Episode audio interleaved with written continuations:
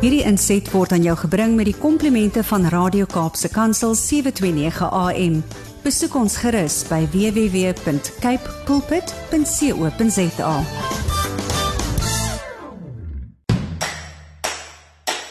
Dit is Saterdagoggend die 22ste Januarie van die jaar 2022 en jy luister na Landbou Landskap op Kaapse Kansel.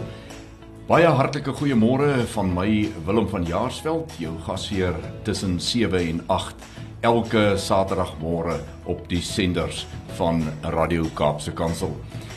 Jy kan ook natuurlik na ons luister wêreldwyd op die internet En uh jy kan daar kom via die skakels op ons uh webtuiste of deur middel van ons bakkiesblad Facebook. Waarna luister ons ver oggend in hierdie program? Uh 10 oor 7 soos ouer gewoonte eers tyd vir saad vir die saaier. En vanmôre lees ons Psalm 112 verse 6 en 7. Daarna kom Kapstok aan die beurt en vanmôre 'n gesprek oor 'n landboumeesterplan wat vir Suid-Afrika opgestel word of aan die vooruitsig gestel word en dan begin ons met huis en hart. En huis en hart sal die res van hierdie program vandag behels want vandag is 'n besonderse program. Die program is vooraf opgeneem in die kantore van uh SAI die landbouorganisasie SAI ek het gaan kuier in Pretoria by Dr Theo de Jager in sy kantoor. So as jy vandag 'n bietjie agtergrondgeluide hoor wat nie normaal is nie, weet net dit is die beste wat ons in die omstandighede daar kon doen. Dis nie ideale omstandighede nie, maar dit maak alles soveel eh, die wêreld waarin ons leef in landbou interessant, want die landboulandskap is nie een van net stiltes nie. Daar is ook ander dinge altyd maar in die agtergrond. So, ek hoop jy hou van dit wat jy vandag hier gaan hoor, baie interessant die gesprek wat uh, ons gaan voer in hierdie program.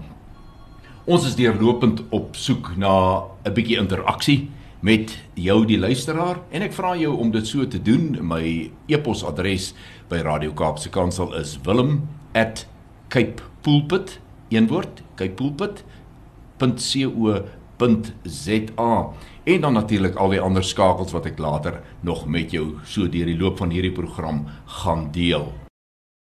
Landbou landskap word elke Saterdag aan jou gebring, moontlik gemaak deur Kypots varsprodukte mark en ek sê baie baie dankie vir julle finansiële ondersteuning wat dit vir ons dan moontlik maak om hierdie sender hierdie tyd geleef vir landbou te kan gebruik.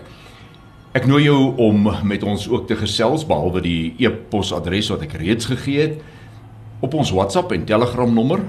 Die nommer is 081 729 1657 of stuur 'n SMS na 37988 en begin jou boodskap met die woord landbou. Ek is net hierna terug. Bly ingeskakel. Ek glo dat die werkswyse wat ons in die volgende maande gaan volg met landbou landskap vir jou dit baie interessant gaan maak soos wat ek op my roetes deur Suid-Afrika is en met veilingskrale en die landbou-industrie van die veewêreld en ander dele van ons pragtige landbou te doen kry gaan ek programme saamstel en op plekke of vanaf plekke dit saamstel of uitsaai wat nie normaal is nie Nou ja, dit is baie naby aan die waarheid van landbou. Wat is normaal in landbou? Uh dit is hoe ons hom bestuur en dit wat daar gebeur wat dit lekker maak. So ek gaan jou laat deel in daardie gedeelte van my lewe. Net hierna uh, is dit ons uh, tydsgeleef vir saad vir die saaier en vanmôre lees ons uit Psalm 112 verse 6 en 7. Bly ingeskakel, net hierna is dit saad vir die saaier. Dit is 'n tyd vir saad vir die saaier. Vanmôre Psalm 112 vers 6 tot 7. Daar staan want hy sal nooit wankel nie, die regverdige sal in ewige gedagtenis wees. Hy vrees nie vir die slegte tyding nie. Sy hart is gerus, vol vertroue op die Here. Uit Psalm 112 is dit duidelik dat die regverdige in 'n baie bevoordeelde posisie is. Die psalmis lys 'n aantal dinge wat vir enige mens aantreklik is, selfs begeerlik is. Hy sê dat vir die regverdige sal die volgende geld: Sy nageslag sal geweldig wees op die aarde. Die geslag van die opregtes sal geseën word. Oorvloed en rykdom is in sy huis. Sy geregtigheid bestaan tot in ewigheid. Vir die opregtes gaan hy, dit is God, op as 'n lig in die duisternis. Van vers 5 af skryf die psalmdigter dan laat ons nou verse 6 en 7 net nog uit. Gelukkig die man wat hom ontferm en uitleen, wat sy sake volgens reg besorg. Vas is sy hart, hy vrees nie totdat hy op sy teestanders neersien. Hy strooi uit, hy gee aan die behoeftiges. Sy geregtigheid bestaan tot in ewigheid. Sy horing word verhoog in eer. Tot sover die aanhaling uit Psalm 112. Ek is seker dat ons elkeen wat hierna geluister het kon op meer as een van die beloftes luid amen gesê het. Dit klink soos die tipe seën waarmee ons elkeen geseën wil word. Die wonderlike is dat dit alles ons almal sinne is. Maar daar is 'n voorwaarde aan verbonde. En die voorwaarde is in vers 1, die vers waarmee die psalmis sy skrywe begin, maar wat ons nog nie gelees het nie. In vers 1 van Psalm 112 staan daar: Welgeluksalig is die man wat die Here vrees, wat 'n groot welbehae in sy gebooie het. Jy sien dit help nie ons verheug ons in die beloftes nie, maar maak nie seker van die voorwaardes waaraan daardie beloftes onderhewig is nie. En vers 1 maak dit duidelik dat die saak baie eenvoudig is. Vrees God en skep 'n behaag daarin om sy gebooie te bewaar. Kom ons bid. Vader, dankie vir u beloftes aan ons. Dankie dat ons dit deelagtig kan wees deur Jesus Christus. Here, Gee ons die godsvrese waarvan die psalmis hier praat. Rus ons toe om in daardie vrese Jesus te gehoorsaam en te volg. Amen. Soos gebruiklik kyk ons elke Saterdagoggend na uh, ietsie wat nuuswaardig is in landbou en terwyl ons nou vandag by saai uh, gesel uh, kuier om te gesels oor die landbou met Dr. Theo de Jager is die uh, landbou nuus waaroor ons vandag in die volgende inset gaan luister 'n gesprek oor die landboumeesterplan wat in proses van ontwikkeling is in Suid-Afrika. Dit is 'n baie interessante uh, gesprek wat ek hoop om binne die volgende paar minute met Dr. Theo de Jager te hê want die landboumeesterplan is iets waar voor die landbou ek wil sê in afwagting sit en wag wat gaan daar uitkom en ons sal graag wil hoor wat sê hy sien saai se lede in die toekoms rondom hierdie plan. So bly ingeskakel net hierna is ek terug met Kapstok. Jy luister na Landbou Landskap en dit is nou 'n tyd vir Kapstok. Soos beloof gesels ek met Dr Theo de Jager, die voorsitter van die direksie van SAI. En Tieu my vraag uh, vanmôre of vandag aan jou is die ontwikkeling van 'n landboumeestersplan vir Suid-Afrika is in proses. Wat is SAI se lede se verwagting van hierdie plan? Willem SAI verteenwoordig familieboere in Suid-Afrika. 'n Familieboer is nie groot of klein nie, is nie wit of swart nie, is nie ryk of arm nie. Dit is 'n familie wat 'n bestaan voer uit 'n stuk grond uit. So as jy vra hoe voel ons lede oor die meestersplan, dan moet jy nou verstaan dat vir ons gaan dit oor hoe beskerm en bevorder ons die belange van kleiner en medium grootte ondernemings, grondgebaseerde ondernemings, boerderye oor die spektrum heen. En uit ons oogpunt is hierdie proses waarvan jy praat waar die meesterplan ontwikkel word ver minder as wat ons verwag het. Dit is 'n baie onvolmaakte proses. Nie al die spelers is daar nie. Selfs die spelers wat daar is, kry nie almal speelkans nie. Daar's nie genoeg van die stemme wat gehoor word wat uit ons dampkring uitkom nie. Want in so 'n meesterplan bring die verskillende landbouverteenwoordigers, die landbouunies, die landboubesighede, die landboubedrywe, hulle bring almal hulle beleid tafel toe en dan probeer hulle skik op grond van hulle beleid Nou dis al klaar 'n baie moeilike ding want niemand het ooit 'n mandaat om buite sy beleid te skik nie. Maar 'n meesterplan moet almal se beleid in ag neem. Natuurlik om beleid op so 'n manier te beïnvloed, moet jy beleid hê allereers. En nie al die spelers wat deelneem aan hierdie proses het noodwendig beleid oor die goed wat in die meesterplan verskyn nie. Tot dusver is die grootste deel van die gesprek oor hierdie meesterplan gedomeineer deur die ontwikkelingsagenda en baie spesifiek die transformasieagenda binne in landbouontwikkeling. Dit gaan eintlik oor hoe gaan ons meer swart boere ehm um, in die sektor in kry en hoe gaan ons vir hulle grond kry en hoe gaan ons hulle help om om aan die gang te kom. Want dit is nie alwaaroor landbou in Suid-Afrika gaan nie. En selfs in dit wat nou al gepraat is in die meestersplan in die landboumeesterplan oor oor hierdie aspek is ook onvolmaak. Ons vind dat daar 'n ongesonde klem op ras is in hierdie hele gesprek. Ons sit met uitstekende swart boere wat nie hulp kry nie. Wat nie toegang het tot finansiering nie want hulle besit nie hulle grond nie. Wat nie regtig hulle kompetitiwiteit kan tentoonstel nie want hulle is absoluut afhanklik van die staat vir hulle insette en vir hulle mekanisasie en dies meer. En die goed kom nie betyds nie.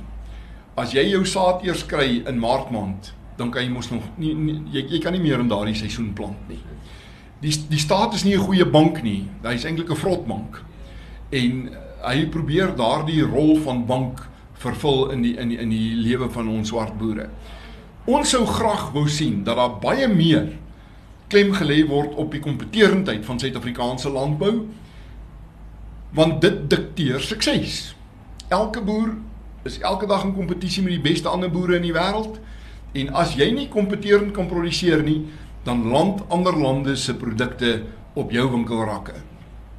En Voedselsekerheid beteken lankal nie meer dat jy alles moet produseer wat jy verbruik in 'n land nie.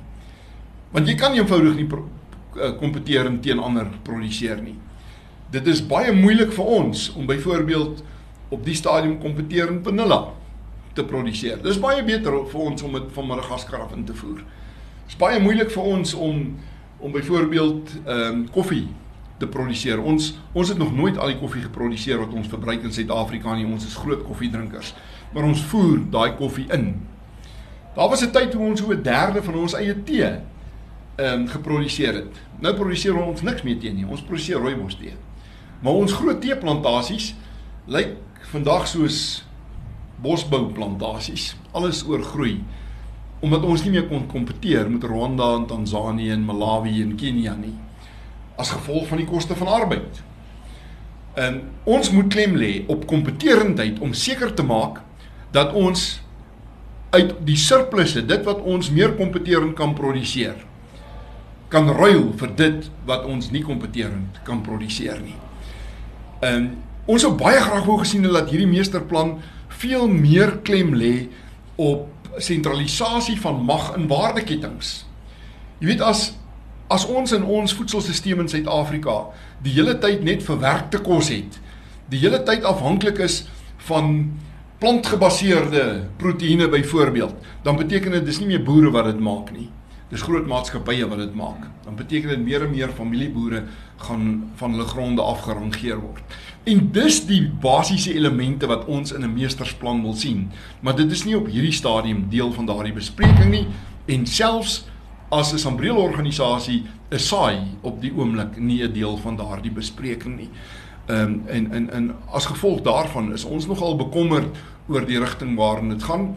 Dit beteken nie dat ons nie invloed daarop het nie. Ons sal verseker die geleentheid gebruik hier na die einde van die proses toe om die handrem op te trek en te sê ons mis hierin die familieboer of die kleiner medium skaal boer se inset en en dan kom met 'n voorstel van hoe dit binne die raamwerk wat op daai stadium geld geïnkorporeer kan word.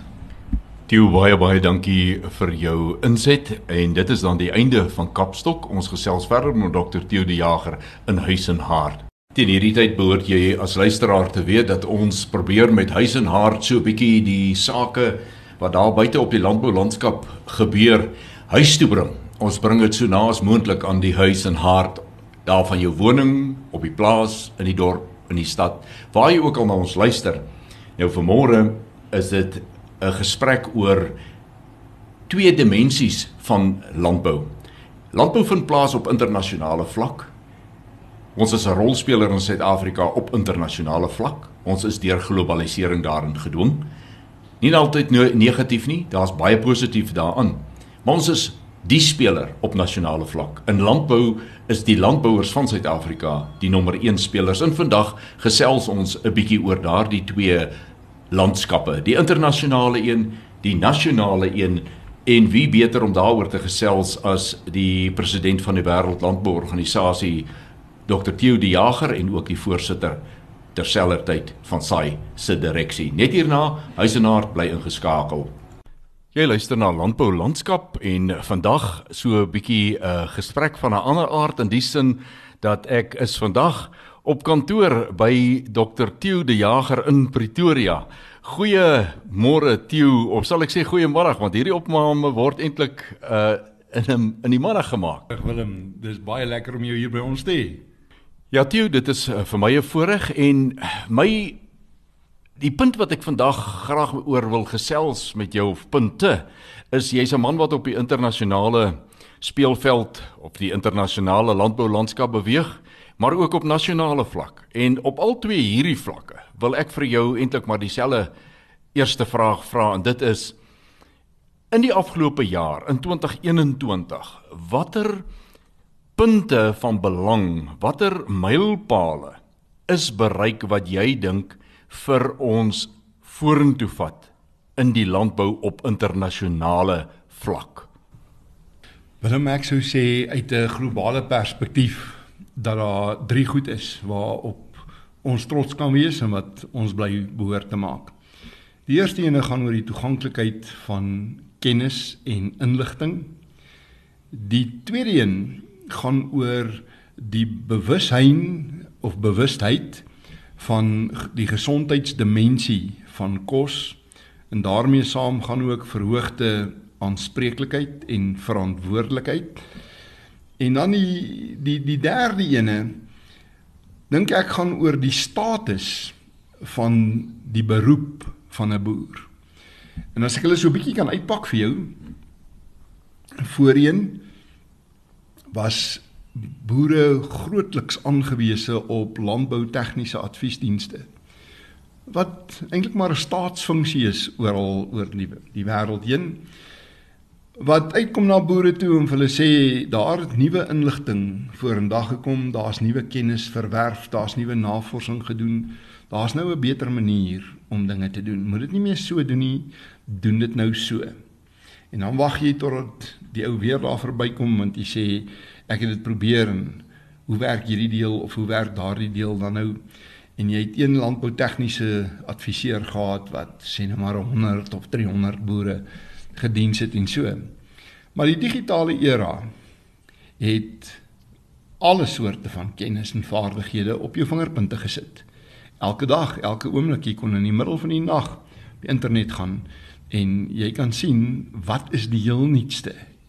En jy kan op YouTube sien presies hoe word dit gedoen. So die verspreiding van kennis is soveel wyeer as wat dit ooit tevore was en die kumulasie van kennis oor die afgelope 5 jaar is waarskynlik meer as die 500 jaar voor dit. Dit het ook gelei tot waarskynlik die tweede ding. En ehm um, ek sou sê dat die COVID pandemie oor die afgelope 2 jaar het veel meer gedoen as net sy deel om hierdie narratief te stoot waar mense selfs in die hartjie van die grootste stede soveel meer bewus geword het van die nexus tussen kos en gesondheid. Aan die een kant het Covid vir ons gewys dat ons kan eintlik oor die weg kom sonder die meeste goed waar sonder ons gedink het ons nie oor die weg kan kom nie, maar ons kan nie oor die weg kom sonder kos nie. Mense het baie meer bewus geword van wat hulle eet en hoe hulle dit eet en wanneer hulle eet. En dit het geweldige druk op die voedselstelsel begin plaas. Want verbruikers wil as hulle gesond eet, wil hulle seker maak dat die kos wat hulle eet ook sy kant bring. Wat is gespuit op hierdie kos? Hoe is dit verbou? Wat se tipe van chemikalieë is in hierdie produksieproses gebruik of dit nou in die vorm is van voedingsstowwe, bemesting of spuitstowwe, ehm um, insekdoders en in in die tipe van goed. En en en, en dit het natuurlik weer tot gevolg gehad dat die die boer self noodwendige groter bewuswording gehad het van sy verantwoordelikheid en sy aanspreeklikheid wanneer dit kom by gesondheid. En boere moet maar produseer wat die wat die verbruiker van hom verg. Um, en as jy dit nie kan doen nie, dan val jy die besluit in terme van kompetisie. Dan kry jy nie dieselfde waarde, dieselfde prys vir jou produk nie en, en so voort. So die die hele kwessie van verantwoordelikheid en aanspreeklikheid in die waardeketting het baie sterker na vore gekom in die afgelope tyd. Naspeurbaarheid raak die wagwoord beide in die veebedrywe en in die ehm um, akkerbou en en en tuinboubedrywe. En dan die die die derde aspek gaan oor die status van hierdie beroep. Jy weet vandag kan ons op 'n baie vroeë stadium van ons lewe enige beroep kies wat ons wil. Jy kan 'n argitek word of 'n polisieman of 'n sakeman of 'n prokureur omdat daar nog genoeg van ons is wat boer. Maar nie so lank gelede nie, nog in ons leeftyd is dit die beste presteerders wat die plaas verlaat het. As jy goed gedoen het op skool, as jy uitgestyg het bo jou portuïergroep, dan jy's nie op die plaas agtergebly nie. En die teendeel ook dan waar. Dan Janie wat dit nie lekker gemaak het op skool nie. Dis net logies geweest dat hy hy moet baie help op die plaas en hy word op die ou en die boer. Maar daardie narratief het heeltemal begin omslaan. Daar's 'n algemene aanvaarding in die wêreld dat as gevolg van die kompeterendheid van hierdie beroep en as gevolg van dit wat dit van 'n individu vra om kompeterend in 'n al kleiner wordende wêreld op die markte te bly het jy juis iemand nodig wat multidimensioneel kan dink en kan doen wat suksesvol in hierdie beroep kan wees en kry ons toenemend dat die skerpste jong breine sê maar ek is goed genoeg dat ek 'n boer kan wees en dat ek as 'n boer ehm um, gereken kan word as gevolg van die onmisbaarheid van my produk.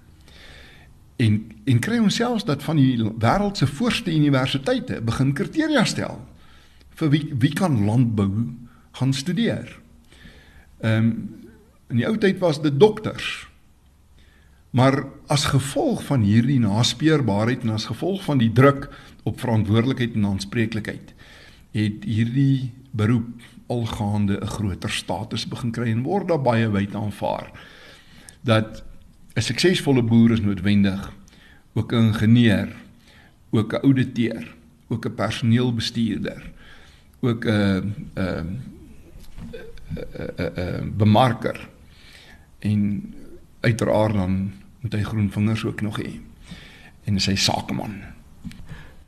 Toe uh, baie dankie vir hierdie perspektief. Ek wil hê ons moet so 'n kort breek vat en uh, as ons weer begin dan wil ek jou 'n vraag vra in aansluiting by wat jy nou gesê het. Ons gaan net so wegbreek hier vir 'n bietjie 'n nuus en uh dalk 'n stukkie musiek. Ons is nou weer by hier terug. Jy luister na Landbou Landskap en ons kuier by Dr. Theo de Jager by sy kantoor in Pretoria vandag.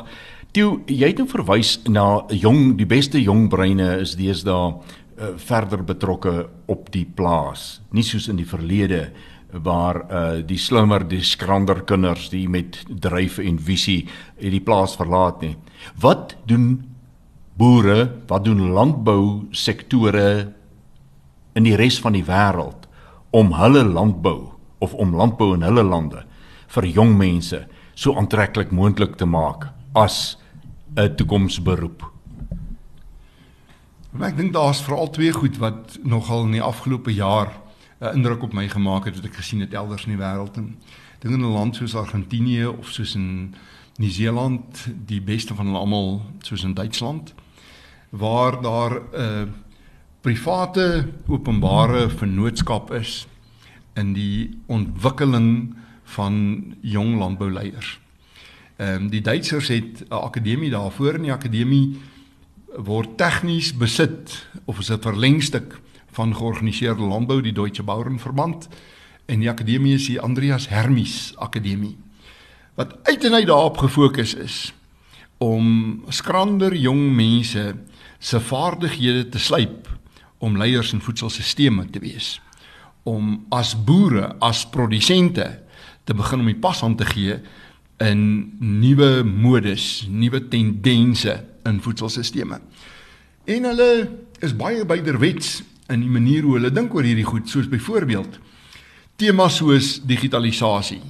Gisteraand se gesprek wat ek met die jong, Duitse jong boere gehad het, die die die studente by die Andreas Hermes Akademie het gegaan oor volhoubare gebruik van grond, want hulle sê by uitstek is boere die gebruikers van grond. En ongebruikte grond by definisie is die waar daar nie geboer word op nie. So as die wêreld klippe gooi oor ehm um, grondgebruik, sustainable land use, ehm um, dan tref hy klippe die boere.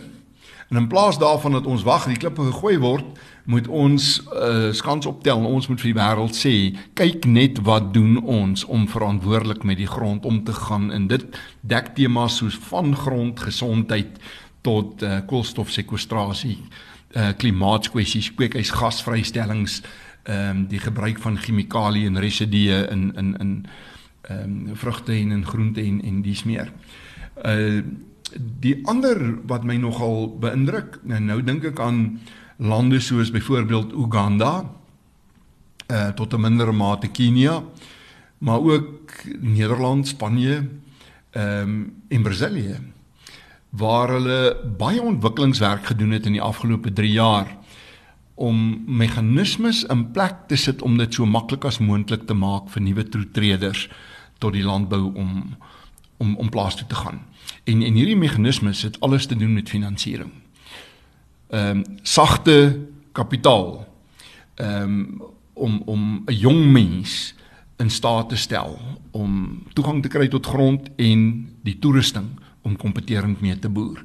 Party lande doen dit by wyse van spesiale subsidies aan hulle jong boere en en ander doen dit nou weer in terme van kom ons noem dit geduldig simpatieke kapitaal amper soos 'n um, mens voorheen toegang gekry tot sagte lenings om te gaan studeer. Is daar deesdae allerhande sagte lenings om te gaan uh, te gaan boer.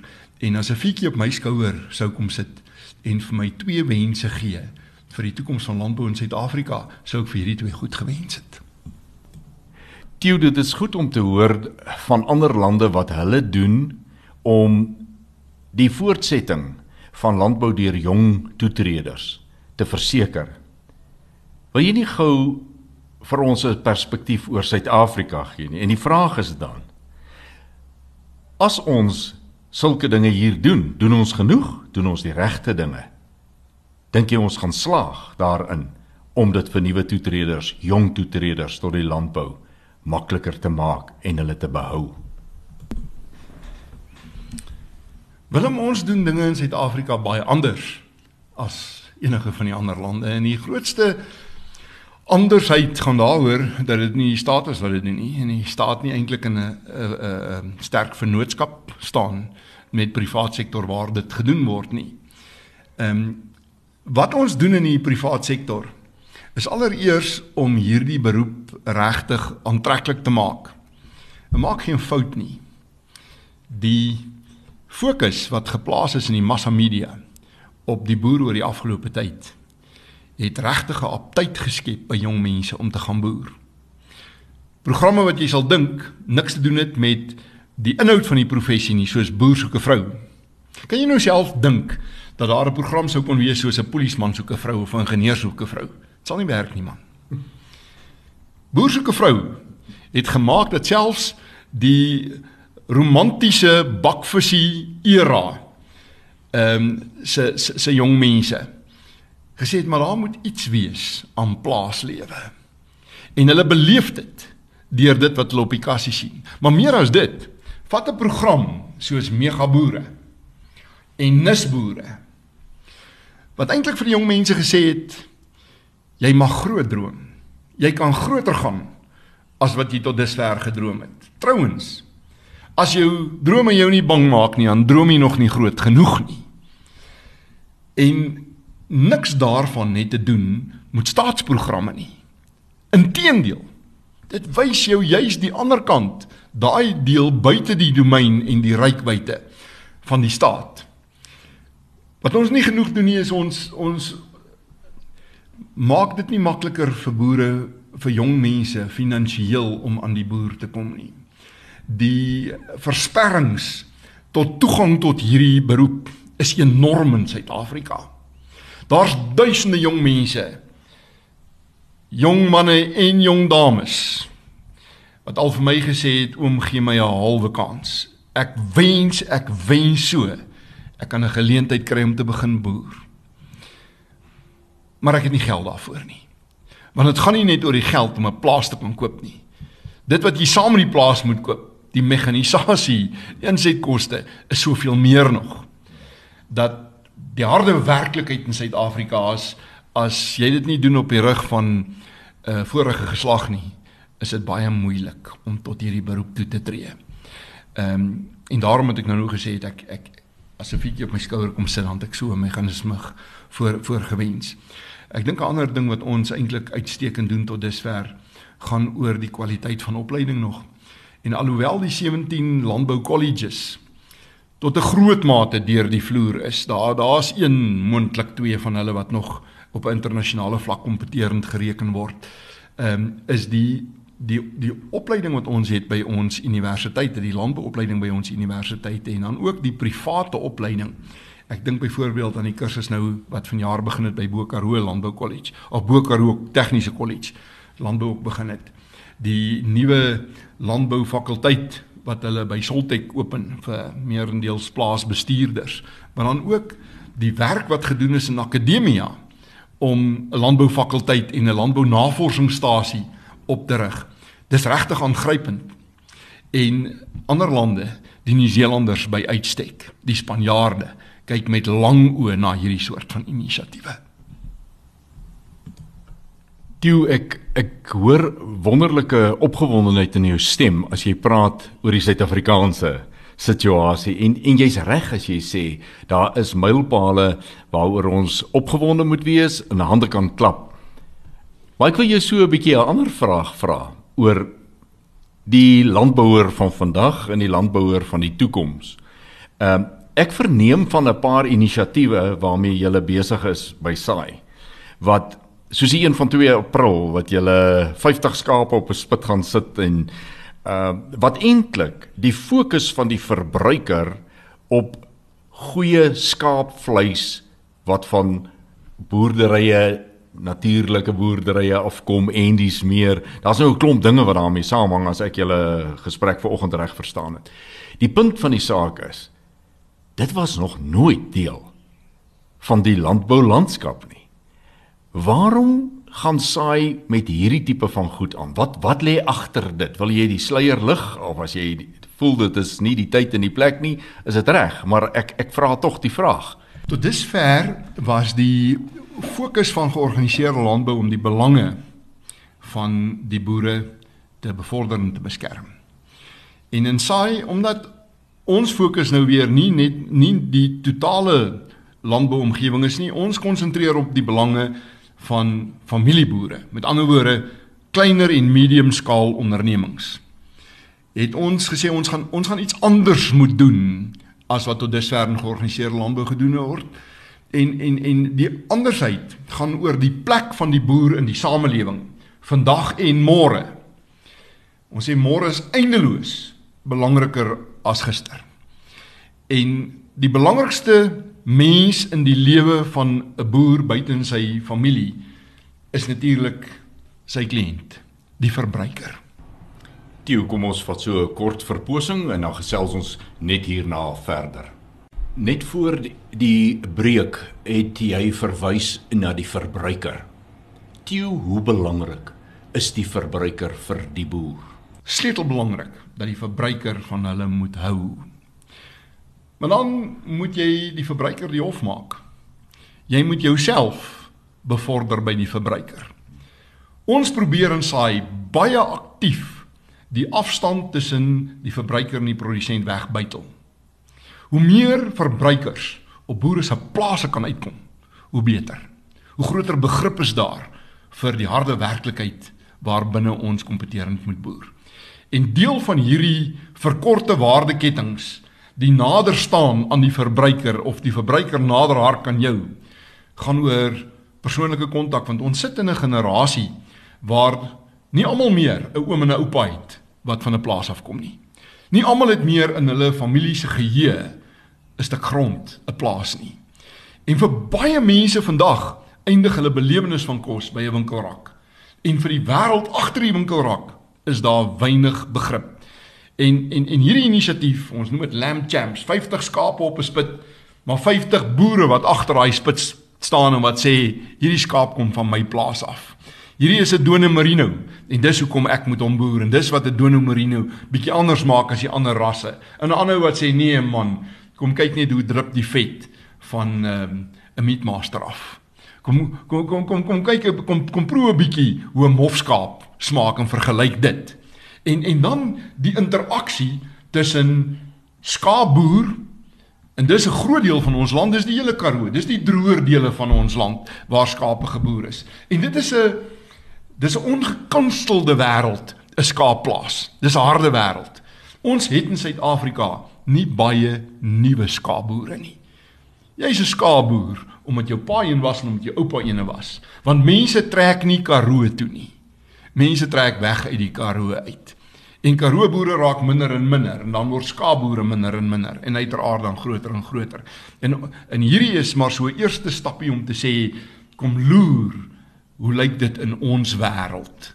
Die afgeskeepte deel van ons land, maar waar die wonderlikste wonderlikste vleis vandaan kom. En daai 50 skape kom uit al 9 die provinsies en dis 'n kompetisie.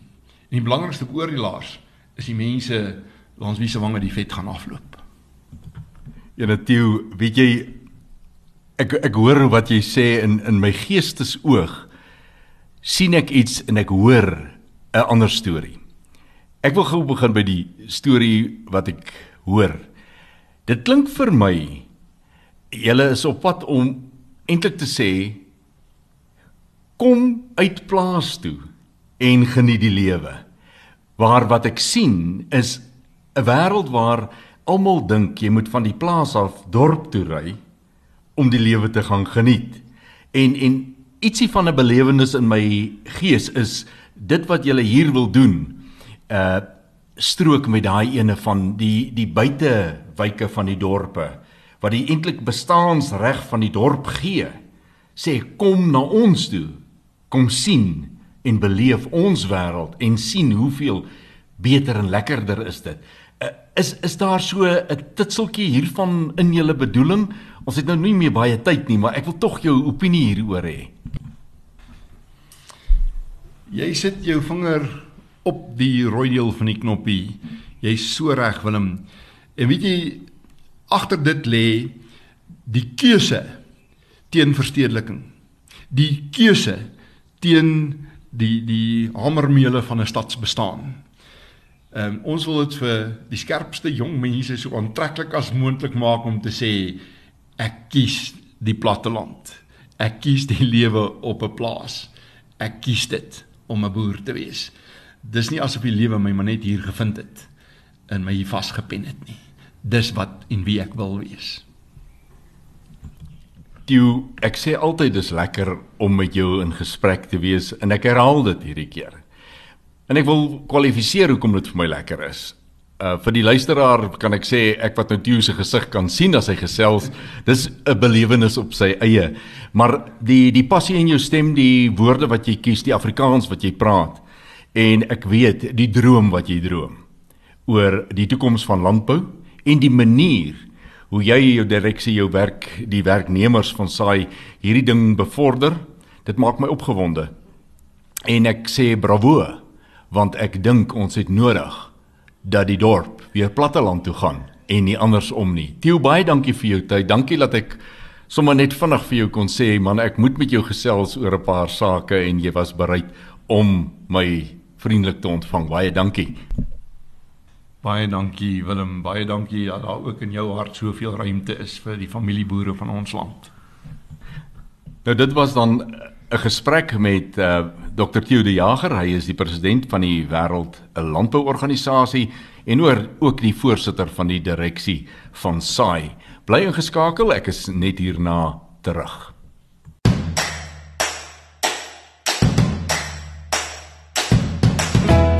En op daardie heuglike noot, hoë noot, het ons aan die einde gekom van vandag se landbou landskap. En jy as luisteraar het baie dinge gehoor wat jy dalk weet, maar baie dinge dalk gehoor wat jy nog nooit van gehoor het nie. Vir my is hierdie program se pragt dan natuurlik daarin geleë dat jy kan aanhou praat oor landbou en daar's altyd iets nuuts om te ontgin, om te ontdek in die landboulandskap en dit was vandag weer vir my sommer 'n saak van baie lekkerte om met ons gas te gesels oor fasette van landbou.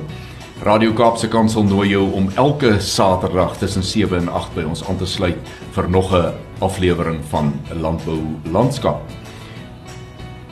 Dit was vir my 'n voorreg om jou gasheer te wees en ek sien daarna uit dat ons volgende Saterdag dit weer doen want Cape Pots varsprodukte mark maak dit vir ons moontlik. Die borg van hierdie program elke Saterdag. Baie dankie aan hulle. En onthou om met ons saam te gesels op die skakels en die nommers wat ek reeds gegee het. Ek sien uit daarna om van jou te hoor al is dit nie ten tye van die program se aanbieding nie, maar daarna dan werk dit ook nog vir my. Tot ons weer saamkuier volgende Saterdag om 7 groet ek Willem van Jaarsveld en mag jy elke oomblik Vader se guns op jou lewenspad beleef. Wederom. Hierdie inset was aan jou gebring met die komplimente van Radio Kaapse Kansel 729 AM. Besoek ons gerus by www.cape pulpit.co.za.